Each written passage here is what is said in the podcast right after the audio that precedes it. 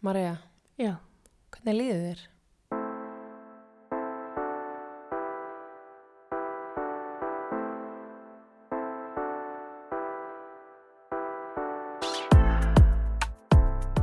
já, góðan daginn. Góðan og blessaðan. Við erum stattar í ekki stúdíó ömmu í þetta sinn. Ekki stúdíu heima. Nei, stúdíó mamma. Eða þú veist, mamma þín. Já, takk fyrir að lána okkur húsið þitt mamma. Það er svona búið að svolítið púsluspil að vera með lítið bad og hund og einhvern veginn, Og brjálað skedjúl bara. já, og þessi þáttur líkt og aðrir þættir kemur út á þriðu degi og uh, vikan okkar varð pínu svona helluð. Mm -hmm. Þannig að núna er þriðu dagur og við erum að taka þáttinu upp uh, núna Á þriðuti. Já, og hann fer út bara um leið og erum búin að klára að taka hann upp. Já, þannig að þetta er svona, hérna, frjálst flæði svolítið í dag. Já, þetta er held ég fyrsti þátturinn sem við tökum upp í rauntíma. Já, og mér finnst það svolítið bara skemmtileg pæling. Við erum kannski bara orðna svona sjóaðar í þessu. Að við erum farnar að vera bara svolítið á viltu hliðinni. Á vildu hliðinni, ef þetta er vilda hliðin, þá, Ég þá hljómu mjög leðilegar. Já, þetta er bara það viltasta sem við höfum gert. Værir ekki sammála því? Jú, talandum eitthvað vilt sem að maður hefur gert, þá langum við að hvetja fólk til að lesa greinin hennar Auðar Jónsdótturinn á kjarnanum í dag. Oh my god, ég ældi úr hlátri. Þetta er svo fyndin grein Binna on. kemur sterkinn þarna. Það eru Jú, jú. nokkra sögur sem vísa í hana. Já, þetta er svo spot on grein að því að uh, núna hefur mikil umræða um þetta uh, hafar í ungra stúlkna og ungra leikmanna enska knattspyrnulegsins Mm og já, auður bara hittir naglan á höfuðið þannig. Við hefum öll gert alls konar hluti og við hefum ekki verið að seima þessar stelpur fyrir að hafa farið þarna upp á þetta hótelherbyggi en það er önnur saga. Já, ekki kannski umfyllunarefni dagsins. Nei, nei, ég varð bara að þessu að að því vorum að tala um uh, að þetta hefði ekki verið að klikkast sem við hefum gert Nei, en auður er þarna með mjög fyndna uppröðun á öllum hlutum sem að hún hefur gert sem ólingur. hún hefur sannlega lifað lífinu. Jú, jú. En áður en byrjum þáttinn þá ætlum við að komin á styrtaraðala þáttarins. Það eru sem fyrir Cheeto-Care Mm sem við hefum nú sagt ykkur sannlega frá áður, eru með ótrúlega góð krem uh, og góðan skrúb. Hef ennþá verið að nota hann svolítið, ég var að tala eins um hann í senst þetta, geggjar skrúbur og uh, ein vara sem að ég held að ég hef nú kannski ekkit mjög mikið talað um áður, en þau eru með svona maska, það er að segja svona maskablað eða sheet, ég veit ekki hvað maður myndi kalla þetta. Svona grímu, eða þú veist. emmitt, maskagrímu og þetta er bara svona mest rakageðandi maskagríma sem að ég hef á æfinni prófað. Og ég mæli mjög mikið með þessari vöru. Maður getur keft bara svona maska eða ekki bara í næsta apoteki eða... Jú, og ég með þess að fór í apotek núna í senstu viku upp í um, Smáratorgi. Mm og ég kíkti á standin, þú veist, það var, voru vörunar frá Sítokjær voru svona á einum stað í vesluninni og öll dagkremin voru búin eða andlitskremin Skiljanlega. og það var bara eitt svona maski eftir. Þannig að þetta eru vinsalvörur Já, en það er líka hægt að fá vörurnar inn á cheatocare.is og við minnum enn og aftur á afsláttakóðan ingileif20. já, 20% afsláttur af öllu. Mælum svo sannlega með því og svo líkt og í síðasta þetta þá eru við komnar með nýjan styrtaræðila það er veslunin playroom.is sem við sögum ykkur aðeins frá í síðasta þetta og er bara ótrúlega falleg og bara stórkosleg veslun fyrir litla fólkið okkar. Akkurat, gleymum ekki litla fólkinu. Nei, uh, ég veit ekki hvort það hljóma skringilega. uh, ekki eitthvað svona actual lítið fólk, eða jú, í raun, Já, lítil börn. lítil börn. Um, Eða fólk sem hefur bara gaman af því að, að leika sér með opinn efni við. Já, þetta eru, uh, þetta er semst barnavöru vestlun uh, með alveg ótrúlega svona uh, falleg og góð og skapandi og svona, hvað kalluðu það í sí- síðasta þetta?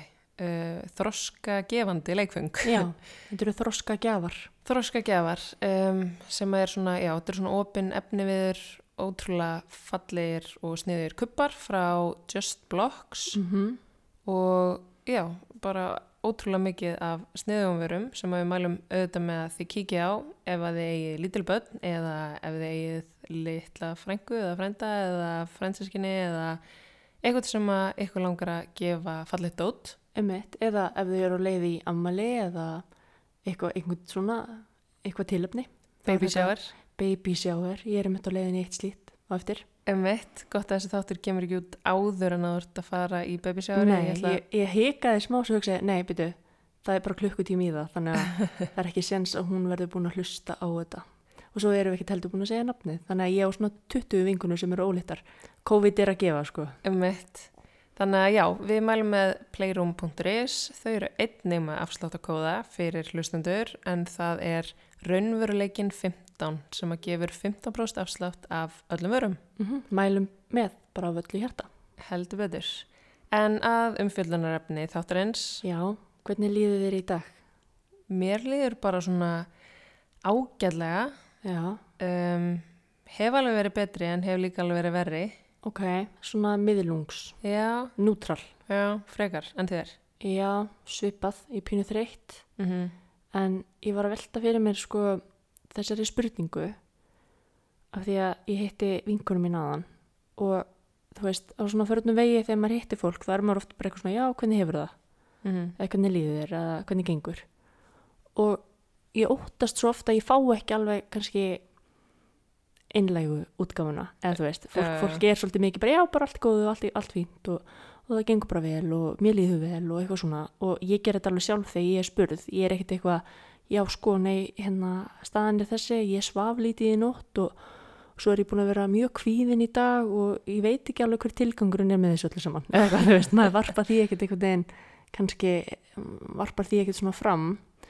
En svona almennt þá langaði mig pínu að tala um bara líðan og hérna hvernig manni líður og hvað skiptir miklu máli að vera svolítið bara svona berskjaldar einlegur með það við Mhm. rétta aðila vissulega en svona þú veist hvaða hefur allavega að minni reynslu skiptir miklu máli að leifa mér að líða eins og mér líður Emmett.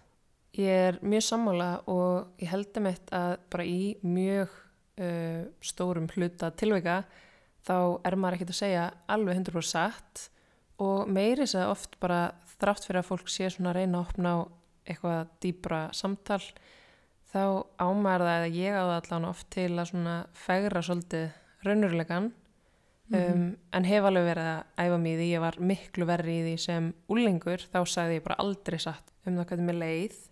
Um, en það er mjög mikilvægt að maður geti talað um það við eitthvað og þó svo að maður þurfi ekki að vera að tala um það við alla sem að maður hittir þá er það bara ótrúlega mikilvægt og ég finn það svona um, núna einhvern veginn það er búið að vera mikið í gangi hjá okkur uh, við erum búin að vera að gera rosamarga hluti í einu mm -hmm. erum auðvitað með strákin okkar litla heima en þá erum að býða eftir að hann komist á leikskóla og erum einhvern veginn bara svona að reyna að joggla mjög mörgum boltum Einmitt. og þá svona ákvíðin það til að leiðast upp aftan að manni Já, og mér finnst bara mjög mikilvægt og hefur finnst það mikilvægt eins og þú veist síðustu daga að segja bara hei þú veist ég finn það að núna er ég að verða pínu tæp.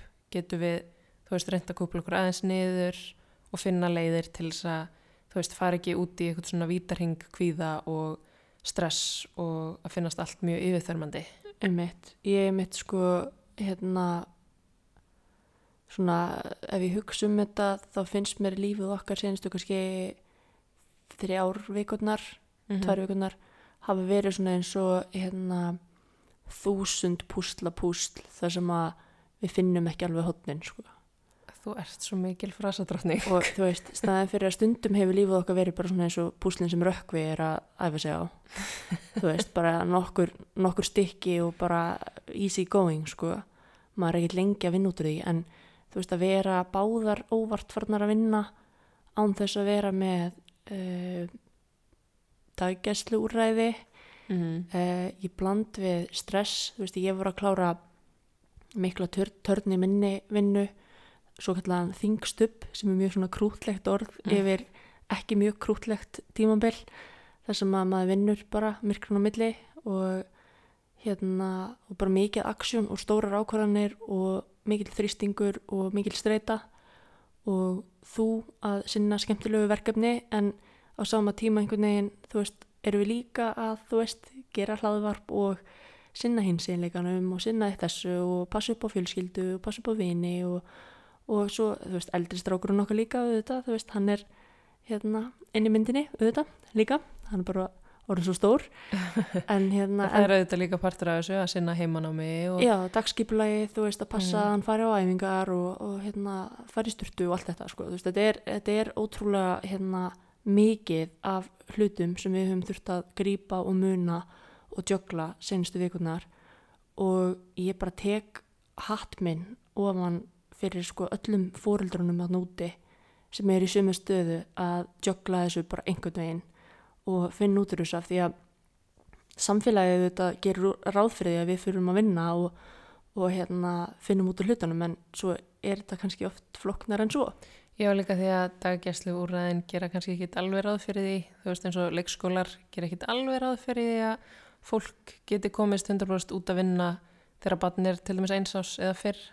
Ekki það, það eru auðvitað úrræðin svo dagfóreldrar og svona en, en þetta er auðvitað kannski efni annan þátt um bara börn og, og svo framvegs. og flækjurnar en á sama tíma svo mikið ilgjöf. Já, en ég mitt hef hugsað líka til einstæðara við, það er eitt að vera að jögla alls konar hlutum með tvö börn og vinnur og svona þegar þú ert á Mhm. heimila sem eru tvær manneskjur uh, að framfleita öllu saman Mm en bara sjáta á alla einstæða fóreldra að núti eða þá sem eru einir með börn. Já, og hugsaði líka að einstæðir fóreldrar af því gefna að hitt fóreldri sé ekki inn í myndinni uh, mega ekki nýta fæðingarólafi sem að viðkomandi hefði nýtt. Þannig að einstæðir fóreldrar þurfa ég að fara ennþá fyrr inn á vinnumarkaðin aftur.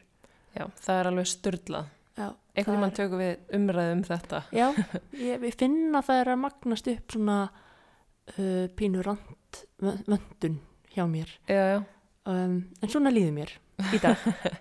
En já, okkur líður sem sagt bara svona alls konar mikið að gerast og eins og þú talar um þá erum við báðar búin að vinna svolítið mikið, þú veist ég er búin að vera að reitstýra tímariti RIF, alþjóðlegar kvikmyndaháttíðar í Reykjavík þess að dana og uh, þú veist, ótrúlega gaman en alveg mikið álag og þetta svona, já, þessi litlu hlutir oft svona magnast upp og ég fekk svona tilfinning í dag eins og ég vildi bara pása lífið í smá stund. Þegar þú talar um litlu hlutina, ertu að tala um þvóttafjallið heima hjá okkur. Meðal annars. Ég lappaði inn í hann og ég var bara, ó nei. en við tæklum það bara saman eftir. Já, Það er já. Bara, við finnum út úr þessu. Það er einhvern veginn, lífið heldur alltaf bara áfram og það bara heldur áfram að hrannast upp alls konar og þú veist, maður getur ekkit eitthvað bara svona kúpla sig út úr lífinu. Nei, maður getur ekki dýtt bara pásu, bara, herðu, veruleiki, hérna, stans, ég er til, í, ég væri til í kannski bara svona hálfan sólaring, bara í að anda. Einmitt, það er ekki alveg hægt þegar þú ert í vinnu og með heimili og alls konar.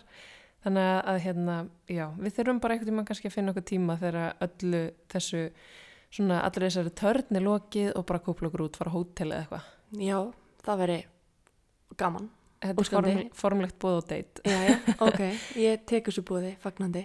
En já, þetta var svona kannski kveikina umræðafni dagsinn sem er bara andlega líðan og, og bara svona, já, hvernig við getum passað upp á það hvernig okkur líður og, og hvernig við getum svona unnið úr því ef okkur líður ekki nægilega vel. Já, af því ég hef alveg tölverðar áhyggjur bara af líðan þjóðarinnar, sko. Mm. Þetta er ekkert hérna, byggt á neinn, neinni fróður, sko. Maður er alveg að sjá fréttir um, þú veist, aukin, þú veist, aukna deburð, kvíða um, og svona, auðvitað spilar það inn í að heimsmyndin okkar bara er búin að breytast svolítið mikið Mm. og samfélagið hefur breyst og ég hef miklar ágjör af þeim sem eru einir í þessu ástandi og eru kannski mikil félagsljón og vöna að hérna, hitta fólk þú veist, og fara hérna, út og þú veist, viðburðir og allt þetta, þú veist, lífið hefur verið í svona einhverjum hægagangi e, frá því í hvað februar, mars. Mm og fyrir það var auðvitað bara appsnugulega viðvaranir á hverjum degi og, og inni, innilokanir bara annars konar sko, mm -hmm. maður fljótur að gleima þú veist að, þú veist, í nóvumbyrji fyrra byrjaði bara eitthvað hafari af náttúruhamförum og ógeði sem gekk á í januar nei, desember og januar og ég fann um daginn gamalt týst frá mér þar sem ég er bara eitthvað ok, stopp nú 2020, bara eitthvað 20. janúar eða eitthvað, þú veist, þá var nýbúið að falla snjóflóð á heimabæði minn og hérna, og emitt bara hræðileg slis og alls konar mm. bara svona ótrúlega svona válegir hlutir sem voru að eiga sér stað og ég var bara þannig á 20. degi ársins bara komið mér nóg, bara stopp, þetta er komið gott, en svo auðvitað vissum að það er ekkert að handa við hotni væri bara eitt stærsta verkefni bara okkar samtíma mm -hmm. sem er að kljást við þessa veiru og finna út úr því hvernig við getum lifað með þessari veiru og hvernig við getum hérna einhvern veginn bara látið lífið mega sens mm -hmm. í svolítið breyttum veruleika og þess vegna hef ég áhyggjur af því hvernig sérstaklega unga fólkinu okkar líður um, við erum að sjá þú veist krakka sem að voru í mentaskóla fengu ekki að fara í sína útskriftaferð er að byrja háskólanámi sitt núna kannski í fjarnámi og ég veit það bara eins og fyrir mitt leiti þú veist það var rosalega mikilvægt að fara fyrstu dagana, hitta fólk sjá ný, sjá ný andlit, mæta á viðbörði nýnema viðbörði til að svona veri ekki bara einhvern veginn einn í náminu. Já, ég mitt og líka þú veist í mentaskólum, þeir sem er að byrja í mentaskólum fá einhver busun eða þú veist, einhver parti eins, eins og maður er vanur þú veist. þú veist, það er enginn að fara að detta í sleik á busaballi, sko. Nei, ég held ekki. Nei, ég, ég fór í sleik á busaballinu mínu. Já, já, sama hér. Bara, Klassík. Já, já, klassíkt En leiðilegt fyrir þá sem að fá ekki að upplifa það. En, eða, eða hvað, og þó. Æ, Ég er ekki viss, ég held þetta, já, já, já. En þú veist, það er bara einsmetra bil núna í skólum og mm. þú veist, ég ég hef bara pínu áhyggjur af þessu og, hérna, og ég held að það sé mikilvægt fyrir okkur að, að vannmeta ekki þennan þátt af því að vissulega mann hefur gríðarlega ágjörum þetta af bara atvinnuleysinu og óvissunni og þú veist öllum þessum þáttum og auðvitað atvinnuleysi er annar þáttur, þú veist það er spáð því að jafnvel geti 30.000 manns verið atvinnuleysir núna í lok þessar mánuðar það er rosalega tala og hátala já, atvinnuleysi getur bara haft í förmið sér rosalegar félagslegar afleðingar og efnaðslegar auðvitað, og þetta helst allt saman í hendur af því að veist, okkur er svo tamt finnst mér að tala um veruleikan út frá svona kannski svolítið efnaðsliðinni út frá þú veist svona ótilfinningarlegum þáttum Þið og alþingi þá? Já, mm -hmm. við og alþingi og kannski svona bara sérfræðinga líka og svona almennt en mér finnst samt og mér finnst það pínu gott að mér finnst alls konar fólk vera að minnast á líðaninnan líka. Mm -hmm. landlæknir er alveg búin að ítreka bara við þurfum að huga að hérna heilsu og velferð og líðan. Og hérna líka bara því að núna erum við síðan að fara að sigla inn í veturinn fljótlega. Já. og ekki svona batnar umhverfið sem við búum við, við þær aðstæður. Nei þegar að skamdegi fyrir að koma sem er byrjað að koma þetta þetta er svona að mm. maður finnur að þú veist þegar, þegar hérna, sólaringurinn stittist aftur svona mikið Einmitt. að þá einhvern veginn verður maður bara pínu þingri og það er erfiðar að vakna og, og einhvern veginn, já, þetta, þetta svona það þingist svolítið í vöfum Einmitt. en við ætlum hins vegar að reyna að vera smá björnsínar og jákvæðar já. og þetta ekki í það að segja þessi allt ömulegt og glatað heldur kannski frekar hvað við getum gert til þess að láta okkur líða betur og hvernig við getum unnið okkur upp úr því ef okkur líður eitthvað neginn uh, og, og svona unnið út frá því Emmett. af því að svona já, ef ykkur líður mjög illa og er að hlusta þá viljum við ekki að ykkur líði ennþá verra því að við erum að koma hérna með ykkur það eru lausnir já, með ykkur dimmar spár hérna fyrir uh, vetrinum og, og komandi mánuðum Nei. en auðvitað, þetta hefur bara verið þungt og erfitt þetta hefur verið þú veist, ég held að það séu bara allir hafi upplifað alls konar hæðir og lægðir mm -hmm. uh, senustu mánuði og kannski fólk sem var bara mjög svona velstatt andlega held ég að hafi margt hvert farið bara í miklar svona dýfur. Já, það sem ég held að hafi mjög, sko, mjög mikil áhrif á það hvernig okkur líður er þessu óvisa. Mm -hmm. uh, við veitum ekki hvernig staðan verður eftir viku við vitum í raun og veru ekki hvernig staðan er eftir eitt sólring og líf okkar einkennist svolítið af því núna að við býðum bara svolítið eftir næsta blaðmannafundi og þá koma nýjastu tölur og út frá því getur maður einhvern veginn siktað bara já, þetta er í vexti eða þetta er ekki í vexti og líf mitt getur orðið svona sirka svona mm -hmm. og ég er svolítið verið að pæla í þessu þú veist að um, þú veist með óvissuna að þú veist ímyndaður þú sért að veiða fisk í á hefur þið gert það? Mm, Já, ég hef einu sinni gert það. Ok, heldur það væri jafn gaman að veiða ef þú vissir að fiskurinn kæmi á 5 minútna fresti? mm, Nei, fyrstulega finnist mér ekkit almennt neitt sérstaklega gaman að veiða en mér finnist það örgulega en minna gaman ef það væri ekki smá svona spennufaktor Já, þú veist, fúttið í því að veiða, ég hef aldrei farið í svona veiði, þú veist, ég er bara einhver almúa stelpa, Þú hefur veitt bara neyra á, á bryggju eða marnúta, já. Já. ok, tökum það. Nei, sko, ef að, hérna, ef maður væri sko að veiða og fiskurinn kemur 5 minúna fresti, þá myndir maður ventalega bara eitthvað, þú veist, býða þessar fjórar og 59 sekundur sem að, hérna, líða og grípa síðan stöngun, stöngina þegar fiskurinn kemur. mm. og fútti við að veiða eru þetta þessu óvisa þú veist það er bara hérna þú veist það getur liðið klukkutími, það getur liðið fimm eða jafnvel þú getur að en sko þetta, þessu algjörlega öfugt farið með óvissu og vissu að sko ég held einhvern veginn ef að líf okkar væri þannig að við vissum bara að á þryggja mánuða fresti kemur toppur í veirunni. Mm. og heina tvo getum við bara lifað bara eð, eðlilegu lífi innan þeirri marka sem við þekkjum í dag. Þú veist, spritt á borðum og svona en við getum haldið tónleika og við getum þú veist, verið með fólkinu okkar og allt þetta.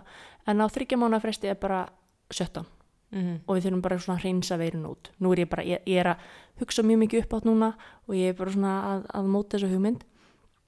En þú veist, þá myndum við hafa okkur bara eðlilega í tvo mánuði og svo bara fara í lockdown í á tvekja mánuða fresti. Ok, en það er ekki staðan, við vitum ekki neitt. Og þess vegna erum við stöðugt í svona endurmatsferli, við erum alltaf að meta það veist, á ég að fara í þennan, þetta bóð, er áhættu samt fyrir mig að fara út í búð, á ég kannski ekki að gera þetta, hvernig á ég að haga mig núna? Og þetta skapar bara kvíða Mm. og óvissu og óþægilegar tilfinningar. Sérstaklega fyrir svona óvissu pjesa eins og þig, þú ert með, hvernig var ég líst, þú ert með mjög lágan óvissu þröskuld. Já, það er náttúrulega sem bara mín eigin lýsing á sjálfur mér en, en það er bara, ég við ekki það, mér finnst, mér finnst þetta óþægilegt. Og þess Mm. vegna er ég búin að vera að pæla í þessu, skildur þessa pælingu? Mm -hmm. veist, að því að ég held að við séum í svolítið svona óvissu lúpu. Þú veist, þetta er bara svona eins og að vera alltaf on repeat, bara í svona einhverju óvissu ferli og þú veist, ég, já, já, ég meina, ég er alveg með lágan óvissu þröskuld, en mér er alveg gaman að lifa lífinu, skilur þú veist, ég fer alveg út og ég höndla alveg óvissu þannig, þú veist en, en hérna, Óvissan sem að fylgi að fara út úr húsi. jú. Það klikkast það sem ég hef gert. Nei en, en þú veist það sem ég er einhvern veginn að reyna að forma hérna í hausnum á mér er að ég held að við þurfum bara að hugsa vel um það hvernig okkur líður núna. Og ég finn alveg á sjálfur mér að það skiptir mig ótrúlega miklu máli að fara jafnvel bara í göngutúr eða komast aðeins út úr húsi og fara á að lappa, hlusta gott hljóðuvarp hljóðuvarp, hlaðuvarp uh, til dæmis bara raunveruleikan nei, ég hlusta nú sem sem ekki á það í göngutú, göngutúrum. En, en líka bara svona að þú veist, rekta sambandi, taka símtölin tala við fólk uh, reyna að borða reglulega, ég er ræðileg í því. Mm -hmm. ég er bara, þú veist, ég er búin að vera ekstra slæm núna. Þú veist, ég er ofta að ranka við mig kannski þrjú, fjögur á daginn og ég er ekki ennþá búin að borða í átning Ekki gott. Nei, en Ekki þetta er það sem mál. gerist við mig þegar ég er í streitu, sko. Umveitt, ég tengi bara mjög mikið. Og við förum að sofa einhvern veginn óreglulega. Allt og margir orkudrykkir. Já, sem er bara alls ekki sniðugt. Nei, Þá fyrir bara hjarslátturinn að aukast og þá fyrir maður einhvern veginn í ennþá meiri svona, já, lúpu með þetta allt saman. mm En við þurfum líka bara svolítið svona núna öll að horfast í auðvitað það. Það er óvisa, við getum ekki breytt í og við getum ekki séð fram í framtíðina. Við vitum ekki nákvæmlega hvenar þessu undarlega ástandi mun ljúka. mm. Þetta er auðvitað orðið miklu, miklu skárra heldur en þetta var. Já, ég meina, við, sko, við erum búin að vennjast þessu fárálega vel Mm og það er alveg skrítið, þú veist, ég lendi því um daginn og fundi að manneskja rétt út hendina til mín. og ætlaði að fara að taka í hendina á mér bara svona, góðan daginn, ég heiti þetta Mhm. Og ég alveg fekk bara svona panik. Ég bara, hvernig dirfist þessi manneski að gera þetta? Það var svolítið skrítið, veist, eitthvað sem er bara var daglegt brauð, ég veit ekki hvað ég tók í margar hendur á hverjum degi, þú veist fyrir COVID. Emmett, aðlöðunarhefni okkar uh, bara mann, mannkinsins uh, hún er freka mögnuð af því að uh, við höfum líka, ég held við höfum talað um þetta senast að við hérna, höfum hort á bíómyndi það sem er bara ótrúlega mikið af fólki þú veist, saman á tónleikum eða eitthvað og maður Mhm. verður svona bara pínu tryggaraður yfir þessu bara núna. hvernig, hvernig eru þau ekkert að pæla í sótvörnum af því að sko þetta er svo skrítið maður hafði aldrei pælt í svona hlutum áður en þetta ástand skall á og núna er þetta einhvern veginn orðið bara svona samtvinnað inn í mann já, og hugsanina manns. En já, svona hvernig við getum unnið okkur upp úr því að líða einhvern veginn. Já. uh, hvernig svona myndið þú Marja að segja að uh, að því að nú vita hlustendur það sem hafa hlusta lengi kannski frá upphafi uh, að þú hefur gengið svo sannlega í gegnum lægðir, hæðir og mikla lægðir í Mhm. gegnum tíðina og þurft að vinna þig upp úr alls konar bara mjög miklum erfilegum uh, hvað myndið þú segja hafi hjálpað þér mest í því? að horfast í augu við það að manni getur liðið bara alls konar og það er alltaf lægi að eiga vondadaga og góða daga og það er bara hluti af því sem að kallast lífið. Þú veist, ég man að ég skammaðist mér svo mikið ef ég átti bara vondadaga Mm. en þú veist, það er bara regla hjá okkur. Stundum bara á ég ekki þannig daga og stundum er það vikur. En þá bara vistu það og þá bara svona stillir maður sig af og stundum átt þú ekki góða daga og þá veit ég það. Mm. staðin fyrir einhvern veginn að, að bera það einn inn í sér af því þá held ég líka veist, mín, mín reynsla hefur verið svo og það magnar oft upp bara tilfinningarnar þegar maður er bara einn með þar Mm. og hérna og, meitt, og bara muna þú veist, tilfinningar eru alls konar og þær eru ekki hættulegar þær koma og fara líka vondu tilfinningarnar Mm. og hérna þú veist ég meina auðvitað það getur auðvitað vorðið hættulegar ef þar beina manni á hættulegar brautir en ég held einhvern veginn bara með því að viðkynna þér og vera opið með þér að þá ertu allavega að horfast í augu við vandamálið. Og svo eru svo mörg úrræði til líka uh, sem að er mikilvægt að leita í. Og það fer auðvitað bara eftir veist, eðli vandans. En ég held einhvern veginn að að hérna þú veist að innlægnin og þessir tímar hafa fært okkur á þann stað að það má alveg í sko auknum mæli núna bara viðurkenna það að maður er bara alls konar og maður er mennskur og maður finnur fyrir alls konar tilfinningum og röggréttum og veist. Emmett og ég held að þetta sé svona eitt af því góða við samfélagsmiðla að uh, fólk er í auknumæli að segja frá því hvernig líður á samfélagsmiðlum til þess að sína að það er ekki allt fullkomið, það er Mhm. ekki allt þú veist eins og það lítur út fyrir að vera bara raunveruleikin og hérna mér finnst fólk vera svolítið uh, núna upp á síðkasti vera að nota sína miðla á þennan hátt, uh, ekki bara þú veist fólk á Íslandi heldur líka bara út í heimi sem er að tala um það opinskátt að það sé kvíðið eða að það sé einhvern veginn og þetta er svona þrátt fyrir að eins og við höfum talað um áður, þrátt fyrir að það sé margt á samfélagsmiðlum sem að getur líka verið hættulegt Mm. að þá hugsa ég að þú veist áður fyrir þegar við höfum enga samfélagsmiðla þá hafði fólk kannski engan sem að gat séð bara já ok, þessi mannskja sem að ég líti ókslega mikið upp til er bara með mjög mikið kvíða eða þunglindi eða hvað það er. Þannig að ég myndi segja svona, þetta hjálpi til hvað það var þar að hérna, búið til fyrirmyndir sem að sína okkur að þú veist, meira þess að þær eru, þú veist, þeim líður alls konar, þú veist, hvort sem það er frækt fólk eða bara einhverjir það nótið sem við lítum upp til og ég held að það sé bara mjög mikilvægt að við tölum áfram um þetta og það eru til alveg stórkosleir fræðslu vettvangar uh, víða í okkar samfélagi og mér langar til dæmis að nefna Hugrúnu sem Mhm. er hérna geðfræðslu félag og þetta er félag sem að sinnir uh, fræðslu og það er hægt að leita ánga líka til að fá uh, enn frekari hjálp þetta er Mhm. stopnað upp í háskóla, er það ekki Já. rétt hjá mér? af held ég læknisfræði, sálfræði og hjúgrunafræðingum Já, þannig að fræði nefnum sem sagt Emmett, þannig að það, er, það eru ótrúlega uh, flottir svona, já, flottir hópar að núti Mhm. og svona vettvangar sem er hægt að leita til. geðhjálp og hugurafl og, bjarkarlíðu þetta líka einhverju Mhm. leiti og, og hérna og svo þetta bara Sálfræðingar sálfræðingar uh, út um allan bæ og svo þetta geðdild landsbytarlans og bugl fyrir börn og svo eru heilsugjæsluna líka orðnar mjög svona vel mannaðar af sálfræðingum loksins Mhm. og þar er hægt að fá allan svona byrjun þú veist, þú getur byrjað þar ég mæli svona með því við flesta að það sé fyrsta skrefið af því það kostar uh, lítið sem ekkert Mhm. fyrir fullar fólk og er held ég ókipis fyrir börn þannig að, að hérna Og svo lagðið þú nú, eða, já, þú ætti nú hérna, ágætist þátt í frumarpi sem að var lagt fram á alþingi núna í vor mm sem að fjalla um það að færa sálfræði þjónustundur sjúkratryggingar. -hmm. mikið hjartansmál hjá mér og, og flokknum sem ég starfa með Mm og þar er hérna svona megin markmiðið að sálfræði þjónusta og önnur svona hérna uh, klínísk þjónusta sé niðugreitt á við aðra heilbreyðisþjónustu. Það kostar náttúrulega bara allt og mikið að fara til sálfræðings í dag og, og það er ekkert fyrir hvert sem er að reyða fram, þú veist, 14 til 17 skall eða 20 skall jafnvel fyrir hvert tíma. Og eins og varðandi kvíða og þunglindi og debur og svo leiðist þá er talað um að þú þurfir kannski 10 tíma þannig að þú sér að þetta er komið upp í 150 til 200 skall e, fyrir slíka meðferð og það er ekki alltaf sem það er niðugrætt að stjættafélögum, það eru þetta ekkert allir í stjættafélögum eins og námsmenn -hmm.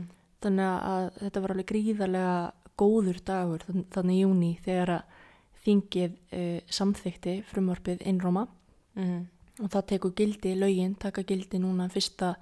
janúar 21 og það þýðir að sjúkratryggingum bera niðugreiða e, þessa þjónustu og þá vonandi gera það að verkum að fleiri hafa þá efni á því að fara til sálfræðings, leita til klíniskra aðila, finna sinn sálfræðing af því að þó svo að heilsugjæslunar og það allt sé mjög góður svona fyrsti staður þá kannski ert ekki fyrir langtíma meðferð endilega þar Um mitt. og hérna Og þarna væntanlega þarftu bara að greiða miklu, miklu minna heldur en emitt hátt í 20.000 krónur fyrir tíman já, eftir að þessi breyning mun taka gildi. Við þar eftir að sjá hver útfarslan verður hjá ráþara. Við, sem sagt, í frumvörpunu stóð bara að heilbyrðisráþara eigi að, að útferða það nánar hvernig að því verði staðið Mm en við lögðum til svona einhver viðmiðun og gjöld og svona en þetta er komið út í mjög mikla tækni hérna en, en þetta eru þetta útrúlega, þú veist, mikið hjartasmál. Ég veit ekki, ég hef ábygglega sjálf reitt, ég hef reitt hundruð þúsunda af hendi frá því ég var 17 ára Öruglega miljónir. Na, er það ekki svolítið bratt? Allavega töluverðar upphæðir og ég forgangsraði bara þegar ég var 17, 18, 19 ára þá fór ég frekar til sálfræðings en að kaupa mig flík þú veist, af því að það var bara fjárfestingin sem ég vildi fyrir mitt líf og hérna og hefur þetta alveg tekið pásur og ég hef alveg, þú veist, það hafa alveg liðið kannski eitt, tvö ár þar sem ég hef ekkert farið. En ég er farin að finna það núna að mér finnst bara mjög gott að fara einu sinni tvisvara ári núna, þú veist að því ég er bara lifið bara mjög hamingisömu innihaldsríku og heilbreyðu lífi og, og svona þessir þessi hérna þessi fortíð mín bankar ekkert upp á eitthvað dagstaglega sko. Að hérna, en mér finnst mjög gott að fara bara einu sinni tvisvara ári og svona rétta hausina þess af, ég hef talað um þetta eins og að fara bara með bílinn í skoðun eða eitthvað, þú veist að að hérna, taka smá stöðu og sálfræðingur minn náttúrulega bara þekki mig inn og út og ég er búin að vera hjá henni síðan ég var 17 ára, þú veist, ég kom fyrst út úr skápnum bara í viðtali með henni, hún eiginlega drómi út af því að hún var, hún var alveg lung búin að spotta þetta og ég var svo, í svo mikill afnitun og endanum segir hún við, mig bara, ég held þú sért lesbí og ég bara, bara já, ég held að geti verið satt það var alveg stort skrif og ég svona átt rosalega mörg um eitt svona moment bara með henni og uppgötanir um sjálfa mig og jafnvel þó að ég haldi stundum að ég hafi ekkert að segja og stundum fer ég inn í tíma og er bara, æg, okkur er ég að fara, ég hef ekkert það er ekkert sem ég þarf að tala um. En ég næ samt alltaf að fylla klukkutíman af alls konar hlutum og kem út svona, þú veist, með góðan speil þetta er svona speill fyrir mann sko. Ferð núna bara og, og kvartar undan mér eða eitthvað? Ef þú bara vissir sko. Þarna, þarna á ég bara hérna, örugt svæði til að hvart undan þér. Nei, En ok, þú sagðir sko að þið finnist of bratt að tala um miljónir nú ertu búin að vera hjá sem sálfræðingi í 14 ár já, og segjum sem svo að tíminn kosti þú veist, hafi kostað tíu skall þegar þú byrjaðir. Mm þú veist, þú þarft ekki nema sko 100 tíma og ertu komin upp í miljón eða Já. hvað er ég að reikna þetta vitlaust? Ég veit ekki. Ég, já, já, kannski er þetta komið upp í eitthvað svoleiðis, ég, ég veit það ekki. En, en fyrir mér hefur það bara þú veist, verið uh, lífsins lífsins elexír nei, ég veit ekki hvað nei, hérna, hvað ætlaði ég að segja? Það, það hefur verið bara ótrúlega bara, já, lífsnöðsilegt, það er orðið sem ég var að leita að. um, lífsins sír Nei, þú veist, það var bara á tímabili lífsnöðsilegt fyrir mig að fara og þú veist, ég hef bara forgangsraðað þannig, ég hef ekkert alltaf átt mikið af peningum, þú veist, og það hefur alveg komið tími þar sem að ég hef pásað eða, þú veist, hérna, farið sjaldnar af því ég hef ekki haft efnað því, en þetta er samt svona eitthvað sem ég hef bara ákvað bara, nei, ég ætla bara, þetta ætla ég að fjárfesta í. Mhm. og hérna og ég held að mín svona verkfæra taska væri ansi fátaklega ef ég hefði bara verið eitthvað eina að kljást við allar þessar spurningar sem að maður hefur af því að þú veist maður eru þetta bara að borga einstaklingi fyrir að þú veist fara inn í kjarnan hjá manni sko. Mhm. og ég held um þetta að það sé ótrúlega mikilvægt uh, ekki bara fyrir fólk sem hefur lendið í einhvern svakalegum áföllum eða, eða þú veist finnst að hafa einhverja eitthvað svona konkrétt uh, ástæðu til að fara til sálfræðings heldur bara fyrir alla að því að eitt eins og þú ert að segja þú heldur einhvern veginn að komi kannski ekkit út úr tímanum svo ferðu inn og þá er alltaf eitthvað sem að maður er með hana niðri sem að maður er einhvern veginn búin að reyna að vinna úr en þarf oft bara að spegla við eitthvað Einmitt, ef ég mætti samt gefa eitt ráð verandi mjög sjóuð í, í þessum efnum, þar að segja farandi sálfræðings, að ég tók alveg heilt ár held ég af tímum þar sem ég fór ekki inn í kvikuna og ég fór ekki að segja sannleikan alveg eins og mér leið, þú veist, og var svolítið að fegra og var svolítið að reyna að komast bara svolítið auð, auðveldlega út úr þessu sko. Mm -hmm. og ég fattaði sín eftir og ég var auðvitað bara að tapa peningum á því af því að þú veist, við, alvöru vinnan fór ekki af stað fyrir en ég fór sjálf að taka þátt í henni og ég fór sjálf að, að viðurkenna vandamálin. Um, þetta er ekki staður til þess að fá stimpil fyrir, fyrir einhverju eigin ágæti sko, Ömmett. þú veist en að ég hef ofta verið mjög reið eða þú veist ekki reið en bara svona fundist sálfræðingur minn spyrja bara mjög pyrrandi spurninga en svo endanum er það að það er ástæða fyrir okkur mér finnst það pyrrandi það er kannski af því að það er sannleikskotni í þeim Ömmett. Og það er einmitt, þú veist, ástæðan fyrir því að gott og mikilvægt að fara til sálfræðings er líka bara svo að, þú veist, það er eitt að eiga maka og geta, þú veist, sagt hvernig manni líður eða, þú veist, eiga fjölskyldu sem að maður getur sagt hvernig manni líður eða eiga vinkonur. En þetta fólk er samt ekki kannski, þú veist, sérhæft í því að hjálpa. Þó svo það getur þetta að gefa manni góð ráð eða geti hjálpa manni og þú veist, staðið við baki á manni þegar manni líður illa mm. að þá er bara oft ótrúlega mikilvægt að fara til einhver sem er bara með raunverulega fagþekkingu.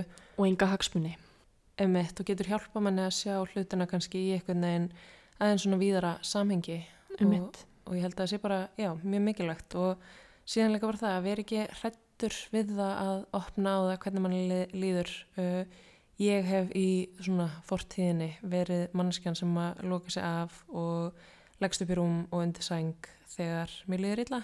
Og var þannig bara mjög mikið sem úlengur uh, ef að mér leiði ekki vel og ég á svona alveg þessa tendensa en þá þú veist ef að ef að mér líður ekki nógu vel og ég finn fyrir miklum kvíða þá er ég alveg til ég að bara leggjast upp í rúm og tala ekki við neitt og fara undir sæng sko. Einmitt. glottir til mín. Ég var kannski smá að gera þetta gær. Smá. Þegar En- mér fannst lífið vera aðeins og yfirþennvandi en það er allt í lagi. Svo Já, já. bara, þú veist fegstu þinn tíma og, og, og það er betra að þú sé treinskili með það en að fela það sko. Einmitt, en þá gast þú líka á móti komið og, og hérna svona aðeins hjálpa mér að, að krafsa mig út úr því ástandi Einmitt. að því að það er, já ég hef ekki getað að gert það ef ég hef ekki vitað hvernig ég leið Nei, og það er bara einhvern veginn, já, þegar maður finnur einhvern veginn sinn, sitt bjargráð í því að komast upp úr uh, þessum svona lægðum sem að maður áða til að fara niður í, uh, hvort sem að það er einmitt að bara fara til sálfræðingsins síns, uh, í einhverjum tilveikum bara tala við eitthvað sem að maður treystir og mann líður vel með að tala við. Eða bara þú veist ég veit ekki, kaupa sér ís og horfa á liðlega bíómynd eða eitthvað.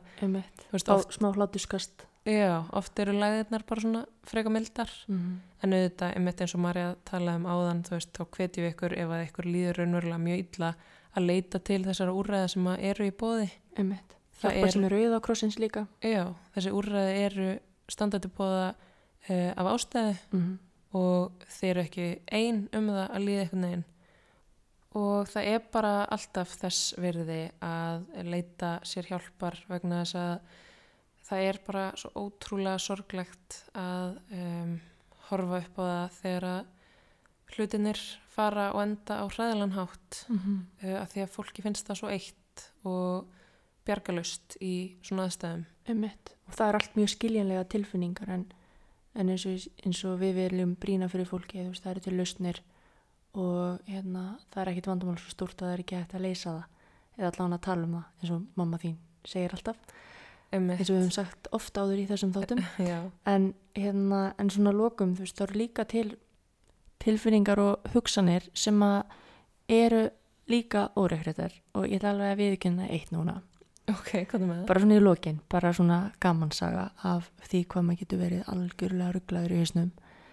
Manstu þegar við vorum í myndatöku heima hjá okkur? Fyrir, í svona hvað, desemberi fyrra? Uh, fyrir ákveðna auglýsingu. Já. Já, já, sem að þið hafi væntalega séð á mörgum miðlum, Íslandsbanka auðlýsingin emitt hérna, ég veit ekki hvers oft ég er búin að fá myndir af okkur þar sem við erum saman með fólki í greiðslumatti og svona þessa dagana. En allavega við vorum í þessari myndatöku og ég var búin að vera með armband þú ert Frá- að segja frá þessu. 2016 sem að við keftum saman á einhverju markaði í suðu Fraklandi og ég og þú og eldri strákurinn okkar vorum öll með sama armbandi. Og við tókum, og ég verið mjög rög við að taka þetta af. Ég tók þetta ekki af í brúðköpun okkar Nei, þú sko bannaðir mér að taka þetta af. Já, að því þú sagðir að uh, já, við mættum bara alls ekki taka þetta af í brúðköpuna því að það kannski væri eitthvað slæmlukka sem að myndi fylgja því. Já, og ég var búin að byggja upp eða svona hlaða í þá hugmynd að öll mín lífsins lukka væri byggð á því að ég væri einhvern veginn með þetta armband. Ég er bara ofin fyrir þetta. Já, og ég sem sagt uh, af svona miklum trega af því það var líka bara orðið frekar þú veist, tætt tók þetta armband af í desember. Vegna þess að stílistinn í þessari myndatöku hún bara ránkvöldu augun hún bara hvað er það að pæla með sem armband þetta er náttúrulega mjög svona þetta er ekkert að fallegasta sem til er. Mér þótti ótrúlega vænt um þetta. Þú veist ég, þú og svonur okkar vorum öll svona með þetta alltaf og hérna hann er enn með þetta notabenni hann er ennþá með sitt og spyr reglulega okkur ég er ekki ennþá með mitt og við hérna um, notabenni það var ekki klift af samt. Við náðum einhvern veginn að því að það var mikið hjartans mál að klippa það ekki. Þú veist, það var alveg hérna moment, þú veist, það tók alveg góðan tíma í að leysa allar hnútana og eitthvað og komið svo eftir, þetta Við er svona þræddum- flettað band svona eh, klassíst svona hérna sem þú kaupir á sólaströndum já, við þrættum þetta einhvern veginn af okkur að því að, já, þetta var eins og þið heyrið, þetta var mikið svona, svona mikið uh, á þetta arband lagt. Öll lukka heimsins í þessu armbandi. Og ég, þarf ég að segja meir? Já, það hefur náttúrulega allt verið niður hvernig hefur árið 2020 verið? Já, Marja er búin að kenna uh, þessu uh, arbands niður, þessari arbands niður töku Ég beist bara afsökunar á þessu. um bara, COVID. Ég hef aldrei hitt hjátrú að fyllri mannskju á æfi minni sko. Það er enginn að grínast ég er. Þú ert búin að segja þetta við mig alveg nokkur sinnum á árinu bara, já, ef ég hef ekki tekið niður arbandið. En þetta er svona þrávíkja sem að ég viðurkenni og ég næ alveg að henda í burta því ég veit að þetta er órögrétt. En það er spurning, á ég kannski bara setja armbandi aftur upp og sjá hvað gerist. Já, við ættum alveg Kannski að prófa kemur að bara gera það. bólaöfni strax í kjölfarið. Þú setur arbandið upp núna í kvöld og ef bóluefni verður komið á morgun eða bara svona í veikunni, Mm. þá vitum við að þú ert áhrifavaldurinn í þessu öllu saman. Þá þarfst þú að borða eitthvað stærri en hattiðin. Já, já, þá ert þú samt í rauninni orsakavaldur COVID, þannig að Já, það er kannski ekki. þá borða þú bara Kannski- hættið sjálf. Við klippum þetta kannski bara út. um, ég ber enga ábyrð á þessu öllu saman. En þú veist, þetta er bara dæmi um það hvað maður getur einmitt sko hlaðið, þú veist, eins og líka oft svona fyrir próf. Þú veist, ég varð að hafa ákveðin drikk og ákveðin nammi í prófið að því að annars myndi ég bara ekki ná því og eitthvað svona. Vá, þú ert ég- nú alveg eins. Þú, Já, ert- já. þú ert alveg skrítin þarna líka, sko. Ég verð náttúrulega alveg pínu nötts í kringum próf, sko. Ég, ég þarf að vera, sko, uh, í góðum sokkum og þá meina ég, þú veist, sokkum sem eru alveg svona góðir með engum, engum göttum á eða neitt svo les og þið veitir með, sko, sokkapör að það er oft svona annar sokkurinn er aðeins betur en hinn. Þetta er náttúrulega hljómar alveg, Engin skilur. alveg undarlega.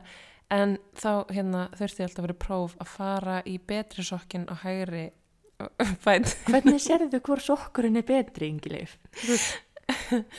Horfur á pari áður en þú setur það á lappinur á þér. Þetta eru bara sokkar, sko. Já, ég, ég get ekki útskýrta, þetta er bara alveg jafn klikkað og þú að setja ykkur merkingu í eitthvað arband, við erum bara snaruglaðar, báða tvær. Já, en ég fíla það, það er bara, ég myndi ekki breyta því. Nei, svona, svona getur maður verið svona crazy og, og hausinn farið á mikið flug við bara minnstu tilumni. En það er ástæðan fyrir því að uh, það er mikilvægt að tala um það upp á, þannig að maður haldi ekki líka að maður sé bara eitthvað eina manneskjan í heiminum sem er klikkuð, því við erum öll með eitthvað og ég held að allir séu með, þú veist, þó svo að sé ekki alveg nötts og við að hérna, setja merkingu í arbandið okkar og vilja klæða okkur fyrst í Já, já, það eru allir að díla við eitthvað og, hérna, og ég held að ef einhver þann úti er bara ekki að díla við neitt þá bara, eins og ég sagði einhvern tímann áður, þá má hann bara heyra í mér, sko. Ég væri til í að heyra baksögu þess einstaklings að því við lendum í hremmingum og áföllum og hvort sem það eru sameili áföll bara í samfélaginu eða, eða innan fjölskyldna eða annað.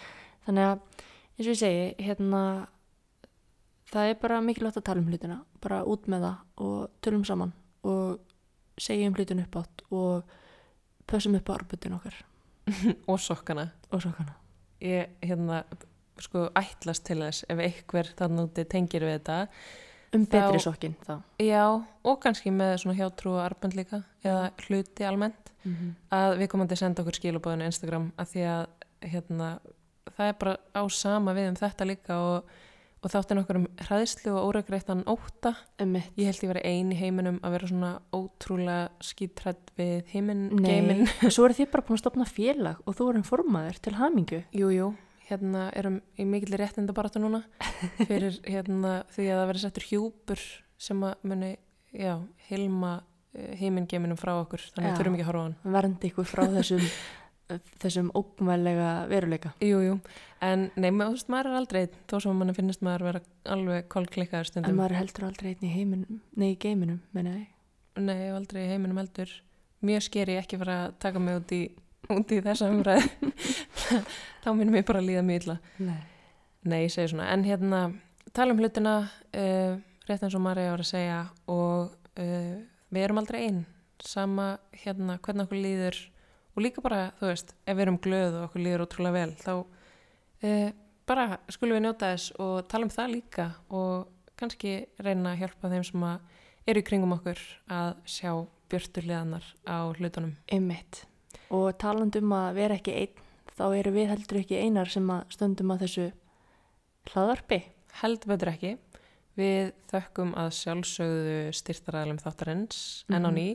Það er Cheat og Kér uh, og við minnum á 20% afsláttakóðan Mm Inn á- Ingileif 20. já, inn á cheatokkér.is þar fáið 20% afslátt af öllu með þessum kóða. Og svo þökkum við einnig playroom.is Mm og þar er einnig afsláttakóði en það er raunveruleikin 15 sem að gefa ykkur 15% afslátt af öllu. Raunveruleikin í hástöfum er ég nokkuð vissum -hmm. þannig að endilega tjekkja á því. Og við þakkum þessum uh, aðalum kærlega fyrir að standa á baka þáttinn Án þeirra við ekkert. nákvæmlega og án ykkar við ekkert Nákvæmlega. hlökkum til að heyri ykkur eftir viku láti ykkur líða vel og knúsi fólki ykkar Já, ég vona af öllu hjarta að þér líði vel í dag. blessi Billy